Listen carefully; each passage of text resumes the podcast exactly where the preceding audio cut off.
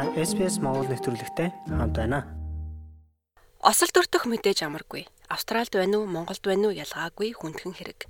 Хинч бэртэж гимтээгүй. Таны машин эд хөрөнгөнд багахан хохирол учирсан байлаач мөргөлдөн гэдэг хүсэх юм шээ. Тэгвэл энэ удаагийн оршин суугтаж булангаар Австралид том баг гэлтгүй ямар нэгэн хэмжээгээр автомашины осолд өртвөл та юу хийх хэрэгтэй? Хэрхэн тусламж хүсэх, буруутай эсгээ яаж мэдэх, та ямар эрхтэй байдаг талаар алах малхмаар зааварчилгааг өгөх болно. SBS Монгол нэвтрүүлэг таны гар утас болон цахим хуудасд нийлдэхтэй байна.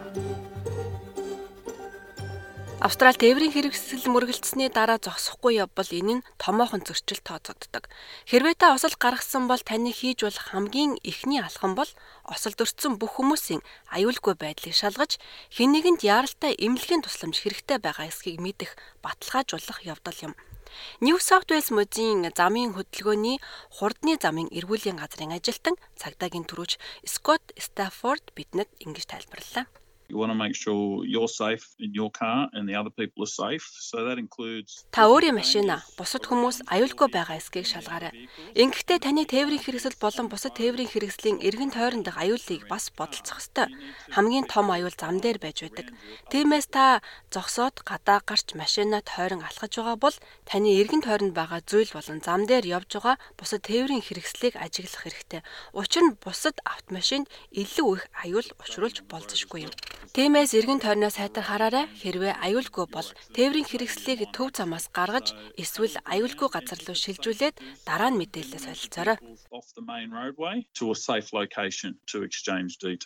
Хэрвээ хин нэгэн бэртэж гимцэн бол яралтай тусламж авахын тулд triple zero руу залгаж боломжтой бол анхны тусламж үзүүлээрэй. За хэрвээ ослыг том хэмжээний осол боллоо гэж үзвэл онцгой байдлын операторууд түргэн тусламж, галз өнөөгч, цагдаа болон бусад холбогдох үйлчилгээг дуудах болно. A major collision is where anyone is trapped Томоохон осол гэдэг нь хин нэг нь гатсан, амнасаа алдсан, бэртэж гимцнийг хэлдэг. Мөн жолооч нар аль нэгэн согтууруулах хундаа, мансууруулах бодис хэрэгэлсэн эсвэл мөргөлдсөн талуудын аль нэг нь зогсоож мэдээлэл солилцож чадаагүй бол томоохон осол боллоо гэж үздэг. Замын хөдөлгөөнд цаа тутгуур учруулах, хүнд даацын авч машин оролцсон тохиолдолд осол гарсан газар цагдаа нар очтгоо. Хэрвээ осолд холбогдсон талуудын хин нэг нь төрөмгийн авир гаргаж, за нэг нь айж имэж санаа зовж байгаа бол цагдаа нар хөндлөнгөөс оролцох боломжтой. Гисэн хэдий ч ихэнх жижиг автомашин мөргөлдсөн тохиолдолд хинч гимтэж бэртээгүй бол талууд хоорондоо асуудлыг шийдэж болтгоо. Цагдаа нар хэргийн газарт очих шаардлагагүй, баг зэргийн осол гарсан тохиолдолд эрүүгийн хэрэг үүсгэх шаардлагагүй байдаг. Төрөөч Стаффорд хэлэхдээ хэрвээ хоёр машиныг жолоодод явах боломжтой бол замын хажууд машинаа байрлуулах аюулгүй газар хайж олоод талууд ярилцах хэрэгтэй гэлээ. Жолооч бүрийн дэлгэрэнгүй мэдээлэл болон моторт тээврийн хэрэгслийн дэлгэрэнгүй мэдээллийг солилцох шаардлагатай. Улсын дугаартай тээврийн хэрэгсэл тус бүрийн зургийг авч болно. Мөн машины эвдэрлийн зургийг ав, дараа нь нөгөө хүний үнэмлэхний зургийг ав, дараа нь холбоо барих утасны дугаар нь асууж болно. Ингээд буслын талаарх бүх мэдээллийг даатгалын компанид өгч дараа нь осолт хэн буруутай болохыг тогтоож хөөцөлдөх болно and chase up the other party in relation to getting things fixed. Манай дараагийн ярилцах хүн бол Jay Foley. Тэрээр автомашины ослын маргаанд холбогдсон хүмүүс зөвлөгөө өгч төлөөлдөг Financial Rights байгууллагын хуульчин. Энэ бол улсаас санхүүжилт авдаг олон нийтийн хуулийн төв байгууллага юм. За тэдний хэлж байгаагаар хэрв та буруугүй бол шаардлагагүй зардлаас зайлсхийхийн тулд нөгөө талын дэлгэрэнгүй мэдээллийг олж авах нь хамгийн чухал алхам болно гэлээ. Даатгалын нэхэмжлэл гаргахдаа хэрвээ та буруугүй бол хэрв та нөгөө талын нэр хаяг байхгүй тохиолдолд илүү төлбөр төлж магадгүй. За гэхдээ ихэнх тохиолдолд та нөгөө талын мэдээлэл нь байгаа бол мөнгө төлөхгүй байж болно. Хэрвээ буруутай эсхийг тогтоох асуудал гарвал дараа нь хэрэг болох гэрч эсвэл камерын бичлэг байгаа эсхийг тухайн үед нь хараарай. Хэрв та хувийн автомашины даатгалтай бол даатгалын компанитайгаа аль болох хурдан холбоо барьж ослын талаар мэдээлэх хэрэгтэй. Хэрв та буруугүй тодорхой нөгөө тал нь хувийн даатгалтай бол яах ёстой талаар манай зочин ийм тайлбар хэлж байна. Та хохирлыг нөгөө талын даатгалын компани нэхэмжлэхээр хандаж болох бөгөөд ингийн тул зарим нэг алхам хийх ёстой. Ингэж өөрийнхөө даатгалын мөнгийг хадгалж болно. The best thing to do is take your own Таны хийх хамгийн зөв алхам бол өөрийн машиныг өөрийн засварчиндаа аваачиж үнэлүүлэх явдал юм. Үнийн саналыг хүлээн авсны дараа тэр үнийн санал зураг болон үнэлгээг нөгөө жолооч руу илгээнэ. Энэ нь нөгөө жолооч үүнийг даатгагч руугаа илгээх бөгөөд тэр даатгагч тантай шууд холбоо барих болно. Ингээ нөгөө талын даатгагч компани таны машиныг өөрийн механикч компанид үзүүлэхийг хүснэ. Та үүнийг хийх шаардлагатай биш. Та олон үнийн санал авах шаардлагагүй. Тэд таны машиныг харах, шалгах, ирэх байхгүй. Хадагта фолийн нөгөө жолоочийн даатгагчаас шууд төлбөр авахын тулд тэдэнд шаардлагатай бичиг баримтыг илгээх ёстой гэлээ.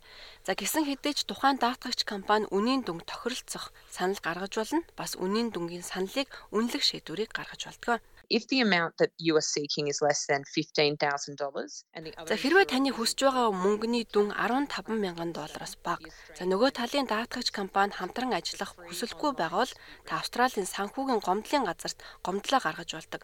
Энэ бол маргааныг онлайнаар шийдвэрлэх үн төлбөргүй үйлчилгээ. Тэд шийдвэр гаргаж эцэст нь талуудын хоорондох асуудлыг шийдвэрлэхийг оролдох болно. Хэрв таны хүсэмжилж байгаа дүн 15 мянган доллараас дээш даатгагчтай уулзраа олж чадахгүй байгаа бол орон нутгийн шүүхэд нэхэмжлэл гаргах шаардлагатай болно. За гэхдээ ингэхээс өмнө та хувийн хуулийн зөвлөгөө авахыг зөвлөж байна. But before you do that, I'd strongly recommend you get private legal advice. Харин та энэ осолд буруутай бол яах вэ гэдэг өнцгөөс одоо харцгаая. Хэрв та буруутай тэгээд өөрөө даатгуулсан бол даатгалтай хандаж нэхэмжлэх гаргаж болно. Харин та буруутай харин даатгалд хамрагдаагүй бол нөгөө талын засварын үнийг төлөх ёстой гэсэн шаардах бичиг хүлээж авна. Гэхдээ хэлэлцээ хийх орон завилдана. The best thing to do is to take the photos. Энэ үе таны хийх хамгийн зөв алхам бол зураг авч өөрийн механикчтай үнэлүүлэн засвар хийх үнийн санал авах юм. Ингиж өөр хоёр дахь засварлах боломж байгааг хүсэлтээр илэрхийлж болно. Хэрвээ та урьдчилгаа төлбөрөө төлөх боломжгүй бол төлбөрийн зохицуулалтыг тохиролцож нэг удаагийн хөнгөлөлт авах санал гаргаарай. Гэхдээ бид танд хуулийн зөвлөгөө авахыг дахин зөвлөж байна. I would recommend you seek legal advice. Хадагта Foley Financial Rights байгууллагын вебсайтаар орж үзхийг санал болгож байна. Тэнд янз бүрийн загтлын жишээ болон за янз бүрийн нөхцөл байдлыг удирдахад туслах онлайн тусламжууд байдаг. Regulations and laws are slightly different. Дүрм журм хууль тогтоомж нь мууч бүрт арай өөр байдаг. Тиймээс сайтын авто тээврийн хэрэгслийн ослын асуудлыг шийдвэрлэх гэсэн хэсгээр орж өөрийн амьдран суугаа мууж орон нутгийг дарж дотор нь таны нөхцөл байдалд тулгуурлан юу хийх, хаанаас ямар тусламж авах мэдэх мэдээллүүдийг олох боломжтой. Хэрвээ та энэ тээврийн ослоор бий болоод сэтгэл зүйн гэмтэл авсан бол өөрийн мууж нутаг дэвсгэрийн 3 дахь чэтгээдийн албан журмын даатгал буюу CTP гэж нэрлэгддэг даатгалын байгууллагад нэхэмжлэл гаргаж болно. Domain Poll бол Виктория мужийн тээвэр ослын комиссийн онцгой ослын даатгалын хилцээний дарга юм. Ноён Пол энэ даатгалд хэрхэн ажилдаг талаар ярилцлаа. So we support people after they've had Бид осолд орсон хүмүүст дэмжлэг үзүүлж ослын эрсдлийг бууруулахын тулд олон нийтэд хамтран ажилладаг. Австралийн мууч бүр ижил төстэй байгууллагуудтай байдаг ч тэдний олгодог тэтгэмжийн төрөл хэмжээ ялгаатай байдаг. Одоо энд хэрэглэгдэж байгаа зарим нэр томьёог тайлбарлахын зүйтэй баха. CTP даатгал гэж байгаа. Энэ нь compulsory third party гэсэн үг бөгөөд энэ нь тээврийн хэрэгслээ бүртгүүлэхтэй төлдөг даатгал. За тээврийн хэрэгслийн засварын төлбөрийг төлөхгүй харин эд хөрөнгөд учирсан хохирол бэртэж гимцэн хүмүүсийн имчилгээний зардлыг нөхөн төлдөг. Гэхдээ хэрэг ослон ажилтай холбоогүй бол 3 дахь талын даатгалаас нөхөн төлбөр авч болно. Харин осол таны хийдэг ажилтай холбоотой байсан бол та бэртэж гимцсэн тохиолдолд ажилчдын нөхөн төлбөр нэхэмжлэх шаардлагатай. Ноён Пол хэлэхдээ за Ноён Пол мөн TAC-г тайлбарлаа. Энэ нь Transport and Accident Commission гэсэн үгийн товчлол юм. Энэ нь олон төрлийн тэтгэмжийг төлдөг нийгмийн халамжийн аюулгүй байдлын сүлжээ юм а. So the TAC is a no fault insurer. It doesn't matter who. TAC бол буруутныг хайдаггүй даатгал. Хэн осол гаргасан нь хамаагүй. TAC таны гэмтлийн байдлаас хамааран шаардлагатай эмнэлгийн тусламж авахд дэмжлэг үзүүлдэг.